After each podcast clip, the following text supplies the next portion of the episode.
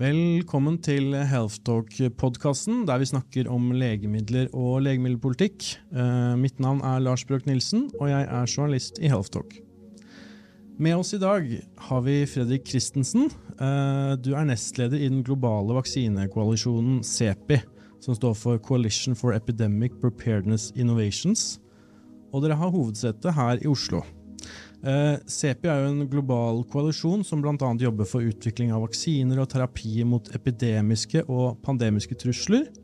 Og koalisjonen ble bl.a. kjent for eh, sitt arbeid under covid-19-pandemien. Fredrik, eh, velkommen til vår podkast. Tusen takk. Det er veldig passende at du kom til oss akkurat i dag. for På morgenkvisten kom det en nyhet om at legemiddelselskapet Takeda har fått godkjent sin denguefebervaksine Kudenga i Brasil. Uh, dette er jo en type sykdom som dere jobber mye med. Uh, men er dette en uh, vaksine dere har vært involvert i arbeidet med? Nei, det har vi ikke. Det, det, men det er jo kjempeflott at den vaksinen er kommet, som du sier. forskjellen på en del av de vaksinene som vi jobber med og de som vi ikke jobber med, er at de vi jobber med, har ikke et kommersielt potensial. Mm. Uh, Denguefeber er jo et stort uh, marked i seg selv, så der trenger man ikke på en måte en type CEPI-støtte. For uh, industrien har sine egne insentiver da, til å utvikle de vaksinene. Ja. og Derfor er det utenfor vårt mandat. Og Vi skal komme litt eh, tilbake til akkurat hvilke type sykdommer og vaksiner dere satser på. Men uh, når vi har gjester her i studio, Fredrik, så er vi litt interessert i å høre hva, hva de driver med, og hva, hva, hvem de er. Eh, kan ikke du fortelle litt kort om deg selv? Hvem er du, og hva er din utdannings- og yrkesbakgrunn? Mm. Altså, I bånn, holdt jeg på å si, så er jeg lege. Uh, utdannet i Oslo. og jobbet som kommunelege på, på Nordvestlandet en del år. Uh, fikk interesse for hvordan helsevesenet er satt sammen, og, og, tok en såkalt master of public health.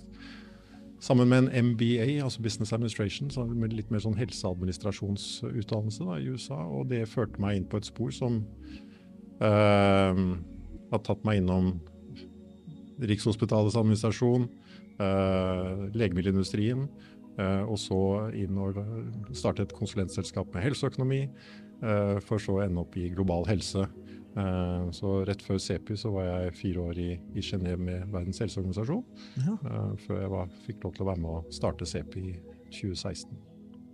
Og tilbake til CEPI, da. Du, du må fortelle oss, altså, Det har vært et navn som har dukka opp for mange i mediene. Mm. Men det har kanskje ikke vært så mange som har fått så mye innsikt i hva CP egentlig er. Mm. Fortell oss litt. Eh, når og hvorfor ble CP oppretta, og hvorfor var det nettopp Oslo som ble til denne organisasjonens hovedkontor?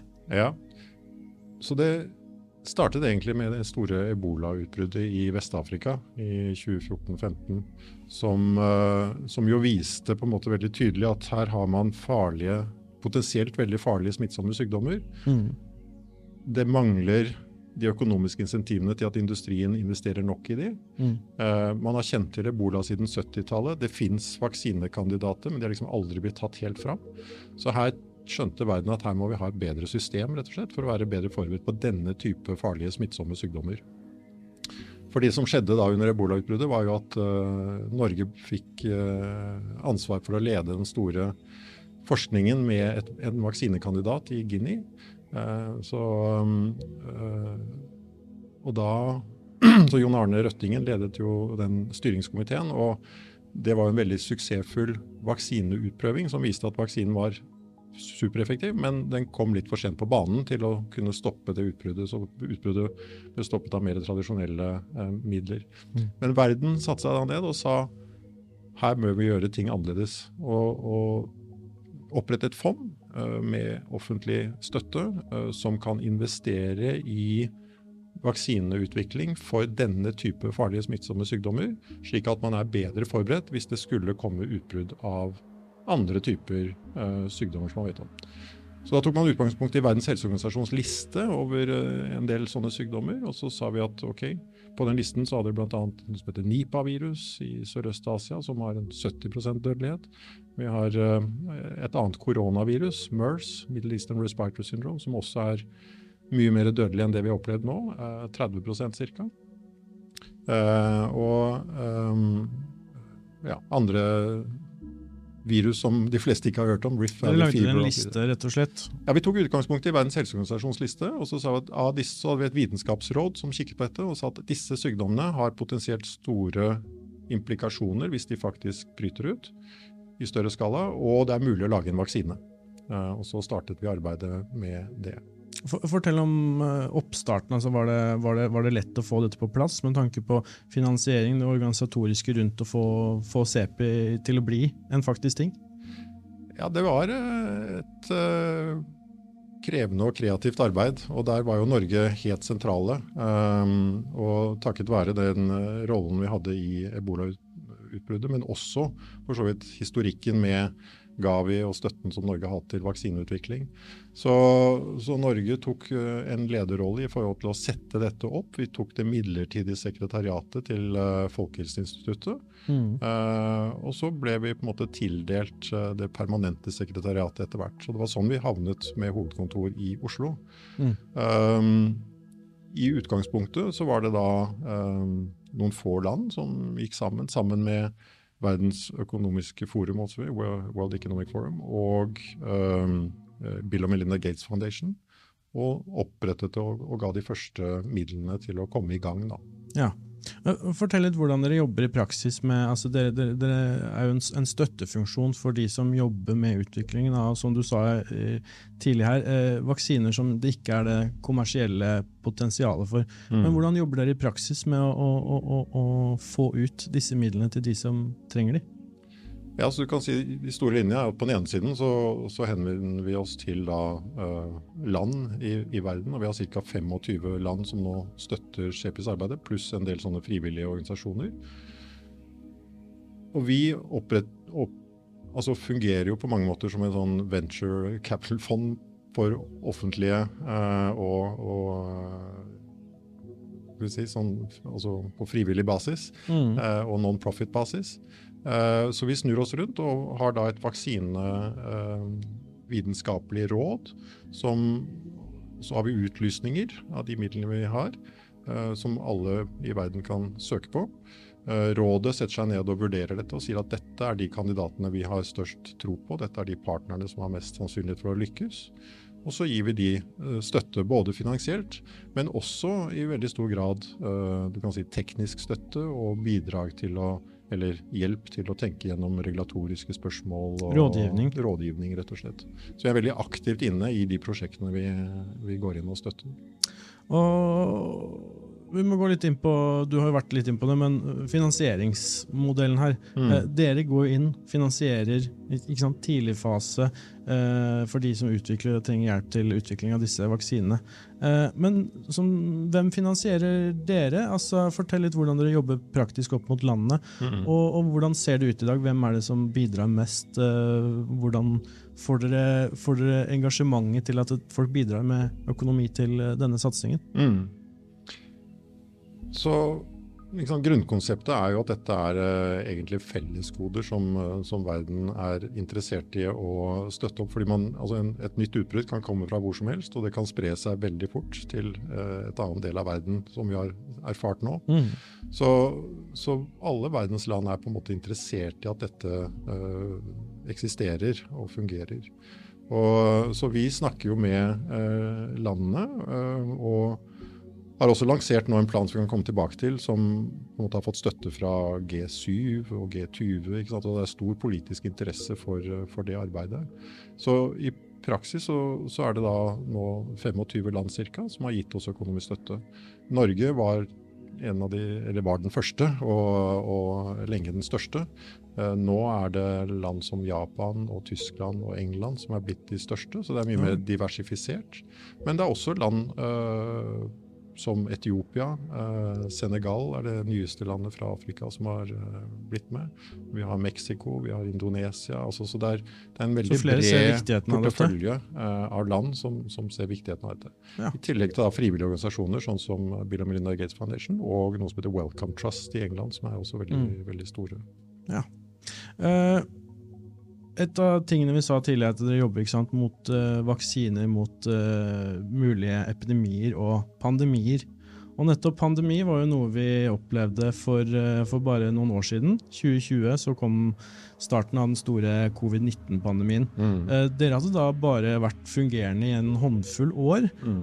Men lykkelig var det jo at dere var på plass da. Eh, fortell litt hvordan, hvordan dere gikk strategisk inn i arbeidet med covid-19, Mm. og hvordan dere valgte ut eh, kandidatene som dere ville støtte som potensielle covid-19-vaksiner. Mm. Nei, altså Allerede i januar 2020, så når vi hørte om eh, dette viruset, og så ble det veldig raskt en vurdering at dette kan bli stort fordi det smitter fra menneske til menneske, og det er et koronavirus. Og da, så Vi hadde to møter i vårt vitenskapsråd allerede i, januar, og vi investerte våre første penger allerede i januar. Ja. så vi var de første som på en måte gikk inn og begynte å støtte vaksineutvikling. Det var omtrent før vi begynte å snakke høyt om dette Ja. i, i mediene og andre steder. Ja, ja. Så, så vi var også i Norge og hadde diverse møter med, med regjeringen om, om situasjonen. Og, men så det vi da gjorde, var at vi eh, Vi hadde da allerede jobbet med eh, vaksinekandidater mot et annet koronavirus, altså dette Middle Eastern Respiratory Syndrome, MERS. Mm. som er en fetter eller kusine av, eh, av covid-19-koronaviruset. Så de partnerne vi jobbet med på det, de sa vi nå kan dere switche det arbeidet dere gjør på dette nye viruset, for nå har vi den genetiske sekvensen. Vi hadde også jobbet med eh, såkalt plattformer, altså mRNA-plattformen eh, og DNA-plattformen. altså det, ikke sant, Vaksinetyper som raskt har kunne switche til nye virus. da. Mm. Så alle disse partnerne switchet da veldig raskt og begynte å jobbe med dette nye viruset. Så Det var det aller første vi gjorde. Ja. Så hadde vi utlysninger ute, øh, og fikk etter hvert verdens største portefølje med vaksinekandidater mot covid-19. Um, vi var bl.a. en av de første som investerte i, i Moderna. Uh, vi en av de partnerne vi hadde, var Oxford-universitetet, som uh, senere slo seg sammen med AstraZeneca. Um, og vi fant en ni-ti andre kandidater som da vi mente var de som var eh, mest sannsynlig eh, kunne lykkes. Mm. Det viste seg jo at dette arbeidet har jo gått utrolig bra. Eh, altså bedre enn noen kunne håpet på, i den forstand både at det gikk raskt, og at av, i den porteføljen vi hadde, så var det jo 70-80% som faktisk har liksom blitt utviklet helt fram til å bli registrert. Mm. Um, så på mange måter så har jo verden vært heldig eh, med dette viruset. Men du, bare for å stoppe opp, du, du nevner jo Moderna. Mm. Disse har jo blitt store. Mm.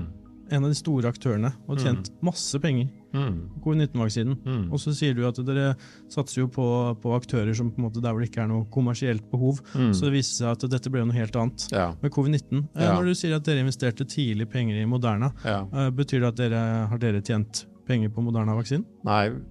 Sånn som dette fungerer, så er Vi var jo da som sagt inne i, i januar-februar, før noen var sikker på om dette kom til å bli noe i det hele tatt. Så på det tidspunktet så mangler det jo på en måte insentiver eh, til å virkelig sette fart i, i maskineriet.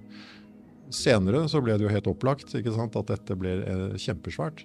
Og, og andre, sånn som USA, gikk jo inn og finansierte Moderna. Så i praksis da, så ga vi de 1 million dollar for å liksom lage den første batchen, som det heter, som ble utprøvd klinisk. Mm. Senere fikk de en milliard dollar av amerikanske myndigheter til liksom å ta hele programmet gjennom. Så, så, så vår rolle i det var liksom den, den lille startskuddet. Ja. Um, Så det var ikke, en, det var ikke noen, noen form for aksjeinvestering, dette var kun en, en bevilgning Ja. eh, til de i den fasen de var. Ja. Så, så dere vil aldri på en måte få noe direkte igjen av eh, avkastning på, noe, på denne summen dere ga da? Ikke i det konkrete tilfellet. Vi har faktisk en annen vaksine uh, for uh, en annen sykdom som uh, altså vi, mange av våre kontrakter så har vi det at liksom, skulle det bli en kommersiell suksess, Mm. så har vi krav på uh, en andel av det tilbake. Ja. Som vi da kan gjeninvestere i annen forskning. Ja. Uh, og det er faktisk et scenario som ser ut til å utspille seg nå. Ja. Um, Hadde det vært rettferdig da, at eh, CP hadde fått litt igjen for den suksessen som Moderna har uh, endt opp med å få? det kan man absolutt si hadde vært rettferdig, ja. Men lite å gjøre med nå. ja ikke sant? Det er Ja. lett å si i ettertid. Uh, hvis vi går litt uh, videre uh, hvordan, hvordan har det gått? Altså, oppmerksomheten rundt covid-19-pandemien har jo roa seg veldig. For mange tenker jo sikkert nå at det er jo ikke noe pandemi lenger. Mm. Men det er jo ikke over. Dette er jo mm. fortsatt til stede, og det kommer jo mm. glimt her og der at vi kan få en ny bølge nå. vi kan mm. få en ny bølge nå. Mm. Men hvordan jobber dere med denne pandemien nå, sett opp mot for to-tre år siden? Og hvordan har det gått med de kandidatene som dere gikk med penger inn i? Ja. Gi oss litt innsikt der. Ja. Ta det siste først. Så, altså den, den, kandidaten som ble vurdert til å ha reddet flest liv det første året av pandemien, det er jo faktisk uh, Oxford, uh, Oxford uh, og AstraZeneca sitt kombinerte. Den ble jo hadde jo dessverre disse veldig alvorlige bivirkningene, om en ekstremt sjeldne, som gjorde at den ikke ble brukt her. Men den ble jo brukt i veldig stor grad i verden, og mm. har jo da reddet de aller flest liv eh, i det første året. Så Det er vel den største impacten, vil jeg påstå, at, som rent konkret. Um, det vi har gjort i andre fase nå, for å kalle det det, etter at vi liksom hadde den første fasen med utvikling av vaksiner, er jo å se på nye typer vaksiner to, som går på to spor. Mm. Det ene er å få de til å være mer um, bredt fungerende. Altså at de skal kunne ta hvis det dukker opp nye farlige varianter uh, av, uh, av uh, SARS-CoV-2, som selve viruset heter, så vil en vaksinekandidat kunne ta det. Så det er bredspektret, rett og slett, på SARS-CoV-2. Og så har vi et program som er enda bredere, som ser på koronavirus som familie.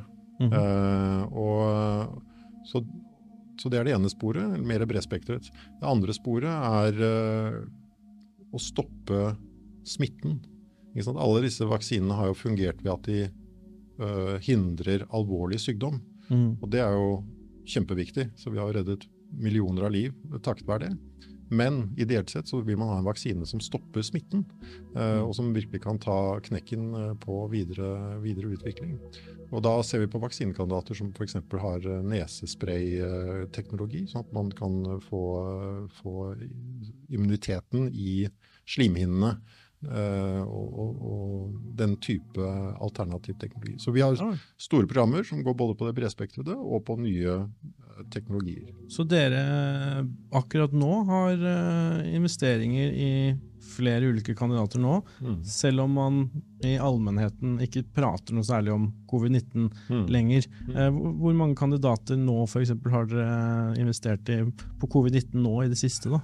Ja, Det presise tallet har jeg ikke helt i hodet, men, eh, men det er en syv-åtte forskjellige kandidater. Mm. Tidligfase eller mellomfase? Tidligfase. Ja. Så dette er tidligfase. Og det er klart at det å lage en sånn bredspektret vaksine, det er jo et langt løp. Uh, så dette er jo ikke noe som kommer i morgen. Uh, dette er, men tanken er jo at altså koronavirus vet vi jo er potensielt store trusler også i fremtiden. vi hadde jo SARS-1, ikke sant, som heldigvis ble stoppet uh, ganske raskt. Men uh, det var et skremmeskudd, for å si det sånn. Uh, så hadde vi MERS-utbruddene, som som vi snakket om, altså som har vært rundt i mange mange deler av verden nå. og har et koronavirus med, med altså 30% dødelighet. Så sant, hvis, hvis, det får en mutasjon som gjør at det blir mer smittsomt, så har vi jo et kjempeproblem. Så det å jobbe med koronavirus ser vi på som veldig viktig for pandemiberedskap for fremtiden. Uh, og Derfor så, så, investerer vi uh, tungt i disse bredspektrede uh, koronavirusvaksinene. Mm. Kan du si noe sånn hvis man ser litt utenfor bare CEPI, da. Men markedet for investeringer i koronavaksiner, har det, har det på en måte dempa seg litt i forhold til på en store, tunge tiden rundt 2020 og 2021? Eh, eller er det fortsatt på en måte mulighet til å hente investorpenger for å utvikle koronakandidater fortsatt? Det er jo ganske mange det er snakk om. Ja. Jeg tror Hvis du ser på det markedet nå, så er det slik at det, sant, som du var inne på, det er noen som jo traff blink, altså var tidlig ute og lykkes og har tjent mye penger. Det er en håndfull. Og så er det kanskje 100 andre som faktisk også har utviklet vaksiner, men som enten har gått konkurs eller sliter veldig fordi de kom for sent til markedet. Mm. Så jeg, uten å ha liksom studert akkurat den finansielle sektoren, så, så tror jeg det å, å, reise private penger for dette nå er veldig, veldig vanskelig. Mm. Um, For Det er jo det som er liksom grunnleggende ved det arbeidet som vi driver med. er jo at altså, Man vet jo ikke når er det neste store utbruddet kommer. Uh, og hvilken virusfamilie er det som kommer til å, som, at det kommer til å skyldes. Mm. Så Som privat investor så er du liksom ikke villig til å investere store summer når du ikke vet om det er liksom 10 år eller 100 år til mm. dette kommer til å trenges. Ja. Uh, og Det er jo noe av grunnen til at vi uh, fokuserer på det. Ja, så vi er litt i et marked nå hvor mange kanskje er avhengig av slike aktører som dere, da, som kan gå inn nå med, med kapital. Uh, i et marked hvor det kanskje er litt mer lunkent på det private investorsiden. Ja, ja. Og jeg tror det er, så det vi er opptatt av, er også å samarbeide med andre aktører som også ser på dette. Så I Europa så har man jo gått sammen om et samarbeid som heter Barda. Mm. Nei, unnskyld, uh, HERA, uh, europeiske forskningssamarbeid, som også fokuserer på denne type redskap. I USA har man Barda. Så det er mange som som er opptatt av disse problemstillingene, som vi da koordinerer oss med, slik at vi til sammen kan gjøre verden eh, bedre forberedt eh, mot fremtidige trusler. Ja. Og eh, for å følge opp det, da, fremtidige trusler, mm. eh, så har vi jo stått i en global pandemi i noen år. Men, og, og, dere har fortsatt fokus på denne pandemien, men dere fokuserer også på hva som potensielt kan bli andre av fremtidens pandemier. Og Derfor har jo CEPI en ganske spennende visjon om utvikling av en vaksine mot det vi kaller neste sykdom X, mm. uh, med noen uh, spennende tidsplaner der, blant annet. Kan ikke du fortelle oss litt mer om uh, det arbeidet? Ja. Nei, så I forbindelse med at vi nå gikk inn i vår neste, altså andre femårsperiode, og, og liksom tenkte hva er denne fasen nå etter denne pandemien, så har vi lansert en plan som vi kaller CPI 2.0. Uh, og i den så har vi en, uh, en, en visjon om at i fremtiden, når det kommer ny, et nytt utbrudd med dette pandemiske potensialet, mm -hmm. så var det jo fantastisk at man fikk utviklet en vaksine på 360 dager. Men etter 360 dager så var det 68 millioner tilfeller av covid-19 i verden. Ja. Registrert, altså offisielle tilfeller. Så vi sa at det, man, det, verden egentlig trenger, er jo faktisk en vaksine i løpet av 100 dager. Uh, så vi lanserte etter 100-dagersmålet. Hadde vi klart det, så hadde det vært ca. 2,3 millioner tilfeller istedenfor 68. Ja. Så, og så sa vi at vel, det er nå et hårete mål, men er det realistisk? Og så har vi gjort en dyp analyse av, liksom, basert på den vitenskapsutviklingen som har foregått i forbindelse med covid-19, uh, sagt at ja, det er faktisk mulig. Hvis verden vil, så har vi nå jeg, vitenskapen til å gjøre dette. Vi kjenner disse forskjellige vaksineplattformene, mRNA-teknologien, eh, virusbårne vaksiner, mm. Eh, de forskjellige plattformene. Og vi har muligheten til å være forberedt. Men da må vi gjøre en del ting. Altså, vi må se på det, hvilke altså, av de 25 virusfamiliene som vi vet smitter mennesker, hvem av de er mest sannsynlig at et, en ny sånn pandemi kan komme fra? Og kan vi lage et bibliotek med vaksinekandidater som er testet på noen av de typiske virusene fra de familiene, og ha de klare på, på fryseren, holdt jeg på å si. Riktig. Har vi på plass uh, støtteapparatet rundt dette, altså laboratorier, uh, klinisk forskning uh, med protokoller osv. Er det på plass, sånn at man raskt kan komme i gang med testingen? Har vi produksjonskapasitet? En av de store læringene nå var jo at, at liksom, produksjonskapasiteten var veldig lokal og ble mm. USA lukket murene og holdt sin produksjon hjemme. India gjorde det samme. Så vi investerer også i diversifisering av produksjonskapasiteten i verden. Uh, og kan vi gjøre alt dette arbeidet med tanke om en rettferdig tilgang til disse vaksinene fra dag én? Uh, og Det betyr at da må vi samarbeide med Verdens helseorganisasjon, Gavi som kjøper inn vaksiner på vegne av fattige land, uh, Unicef som fordeler, sivilt samfunn altså Alle parter må komme rundt bordet og si at til sammen så kan vi faktisk være forberedt. Mm. Men de private aktørene oppi det her, da, altså selskapene. Ja. Fortell litt om uh, hvis dette, dette, skal gå. da. La oss si vi er i en situasjon hvor sykdom X kommer. Vi skal nå prøve å, å utføre målet om ny, på, ny vaksine, eh, behandling på 100 dager. Har dere noen plan for hvordan eh, de store selskapene som kanskje blir sentrale i dette, skal involveres? Er det noen planer, eh, opplegg der? Ja. Ja, så Vi er i dialog med, med de store selskapene. Og, og, de store selskapene har jo selv kommet sammen og, og gitt noe som heter Berlin-deklarasjonen, som, som, sier noe om at de også tar ansvar i en sånn situasjon for å sikre at uh, ikke alle vaksinene bare går til høyinntektsland. Uh, så de er jeg, foroverlent og villige. Så det er klart at det er vanskelige politiske vurderinger mm. når man har en pandemi, og en, et lands regjering er jo ansvarlig overfor sine egne eh, innbyggere. Så det er en dynamikk der som gjør at man øh, prioriterer seg selv først, uh, naturlig nok. Så, men det foregår også dialog, eller samtaler nå, i forbindelse med Verdens helseorganisasjon, hvor alle sant, medlemslandene, 195 land, som sitter ned og snakker om vi må ha en, et samarbeid rundt neste pandemi. Så Pandemic Accord, uh, eller Pandemic Treaty-diskusjoner pågår nå i Genéve. Så mange elementer som må på plass. Uh, og hvis man får disse elementene på plass. Og det er den politiske viljen til å, til å samarbeide rundt dette. Så er, det, så er, vi overbevist om at uh, et sånt 100-dagersmål kan være realistisk. Det er klart, bare for å si Det altså det vil jo trigges kun av en veldig alvorlig situasjon. Altså Dette er jo ikke noe man bruker på enhver uh, ny uh, virusutbrudd. Men, men, står verden overfor en stor trussel, altså si like smittsomt som det har opplevd nå, men kanskje en 10% dødelighet. ikke sant? Altså Det scenarioet er jo kjempedramatisk, og det er dessverre ikke urealistisk. Mm. Uh, og, og, da må man uh, være bedre beredt enn det vi erfarte at vi var nå.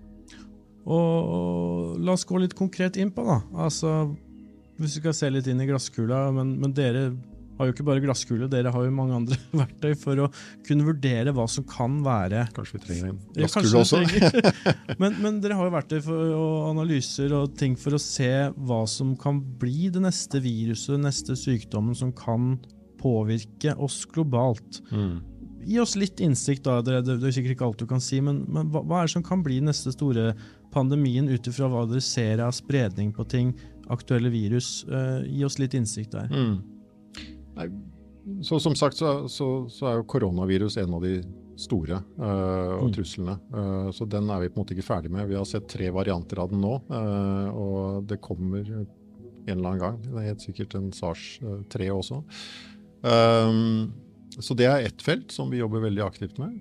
Andre store trusselen i verden er jo influensaviruset, som, sant, som var årsaken til 1918-pandemien. Uh, I utgangspunktet så har vi tenkt at influensa et, har et stort marked, så der har ikke vi fokusert så mye. I forbindelse med liksom, det utbruddet av fugleinfluensa som man nå ser hos, på, i, i dyreriket, uh, så gjør vi oss noen vurderinger i forhold til liksom, hva ville vår rolle være dersom, uh, dersom dette brer seg videre. Fordi det er tilbake til dette med rettferdig fordeling. Altså Én ting er at markedet tar vare på en utvikling, og at høyinntektslandene får vaksiner. Det, det, markedet fungerer. Men markedet fungerer jo ikke, det har vi jo sett nå, eh, i forhold til å sikre at eh, lavinntektsland og mellominntektsland eh, får tilgang til vaksine på samme måte. Mm. Så det kan være noen elementer der som vi kan eller bør kikke på.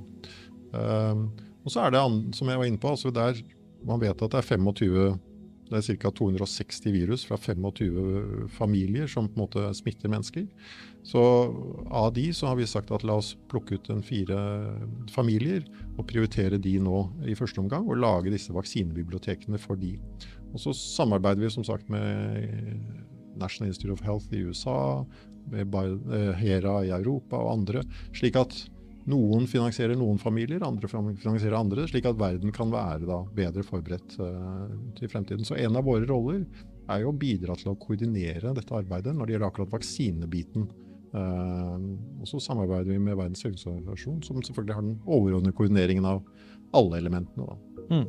Og for oss uh, alle nå som lytter og tenker hva, hva, kan bli det neste akkurat nå, er det størst sannsynlig for at det fortsatt vil være Eh, korona, eh, sars-virus, covid-19, som vil prege oss en stund framover, før det eventuelt neste andre store kommer? Der uh, hadde glasskulen kommet godt med. Ja. jeg tror uh, Altså, heldigvis er vel slik at sannsynligheten for at uh, sars koronavirus 2 kommer med en ny variant som plutselig skal unngå alle vaksiner og liksom sette oss tilbake til var det, april, nei, mars uh, 2020, mm. den er ganske liten, heldigvis. Den er ikke null, men den er ganske liten. Så jeg tror forhåpentligvis er den største sånn det høres jo ille ut at forhåpentligvis er den største sannsynligheten at det er et annet virus, men, men, uh, men Og at det er selvfølgelig lenge til, får vi alle også håpe på. Men problemet med denne type biologiske trusler er jo at man vet ikke, ikke sant, om, om, det allerede har begynt et eller annet sted eh, som man ikke har fanget opp enda, eller om det kommer om eh, 20 år. Men, så, så, moralen er å være forberedt. Eh, vi skal runde av, Fredrik. Vi har hatt en veldig fin samtale med deg her i dag. Eh, tenker Helt til slutt så må du få spørsmålet som alle lurer på nå. Hva var det egentlig som starta covid-19-pandemien? Ja, Det vet vi. Det var uh, sars koronavirus 2 som uh, Hvor? Var det en lab? Var det et dyr? Hva, hva kan du si oss? jeg skjønte det var der dit du ville, men altså, Og det vet ingen. Uh, og, um, og, det er vel tre hovedteorier, tenker jeg. Det ene var jo at dette, dette markedet som solgte levende dyr i Wuhan, var årsaken. Eh, det er jo ikke noen tvil om at det markedet har spilt en vesentlig rolle. Der fant man spor av viruset eh, raskt. Eh, hvordan det viruset kom seg inn på det markedet, er jo spørsmålet, egentlig. Altså Kom det via et dyr som var fanget? De solgte levende flaggermus, så det er jo det mest sannsynlige, spør du meg. eller var det en som jobbet med eh, koronavirus eh, på eh, laboratoriet der, som hadde det med seg. Mm. Eller smittet det på annen måte da, ut fra dette laboratoriet. Og det er klart at dette er en vesentlig å finne ut av og, for å kunne være bedre forberedt fremover. Personlig så tenker jeg at det er ikke så viktig hva som faktisk skjedde, bortsett fra at man uansett må sikre seg bedre både mot smitte fra dyr til mennesker. Altså Verden er jo slik at vi lever jo tettere og tettere innpå dyrene. Vi tar habitatene deres, kutter ned trærne. Så dette må vi tenke på. Hvordan kan vi redusere spredningen fra dyr til mennesker? Og vi må sikre disse laboratoriene som jobber med disse virusene. Vi er helt avhengig av å ha den type laboratorier for å kunne være bedre forberedt. Eh, men de er jo også en risiko for smitte ut fra disse laboratoriene. Det vet vi. Så, så sikkerheten rundt laboratorier er kjempeviktig også fremover i fremtiden. Tusen takk for at du kom hit i dag, Fredrik, eh, sammen med oss. Og så ønsker jeg deg lykke til videre med arbeidet til CEPI. Dere får nok eh, mer enn nok å gjøre fremover. Takk skal du ha. Takk.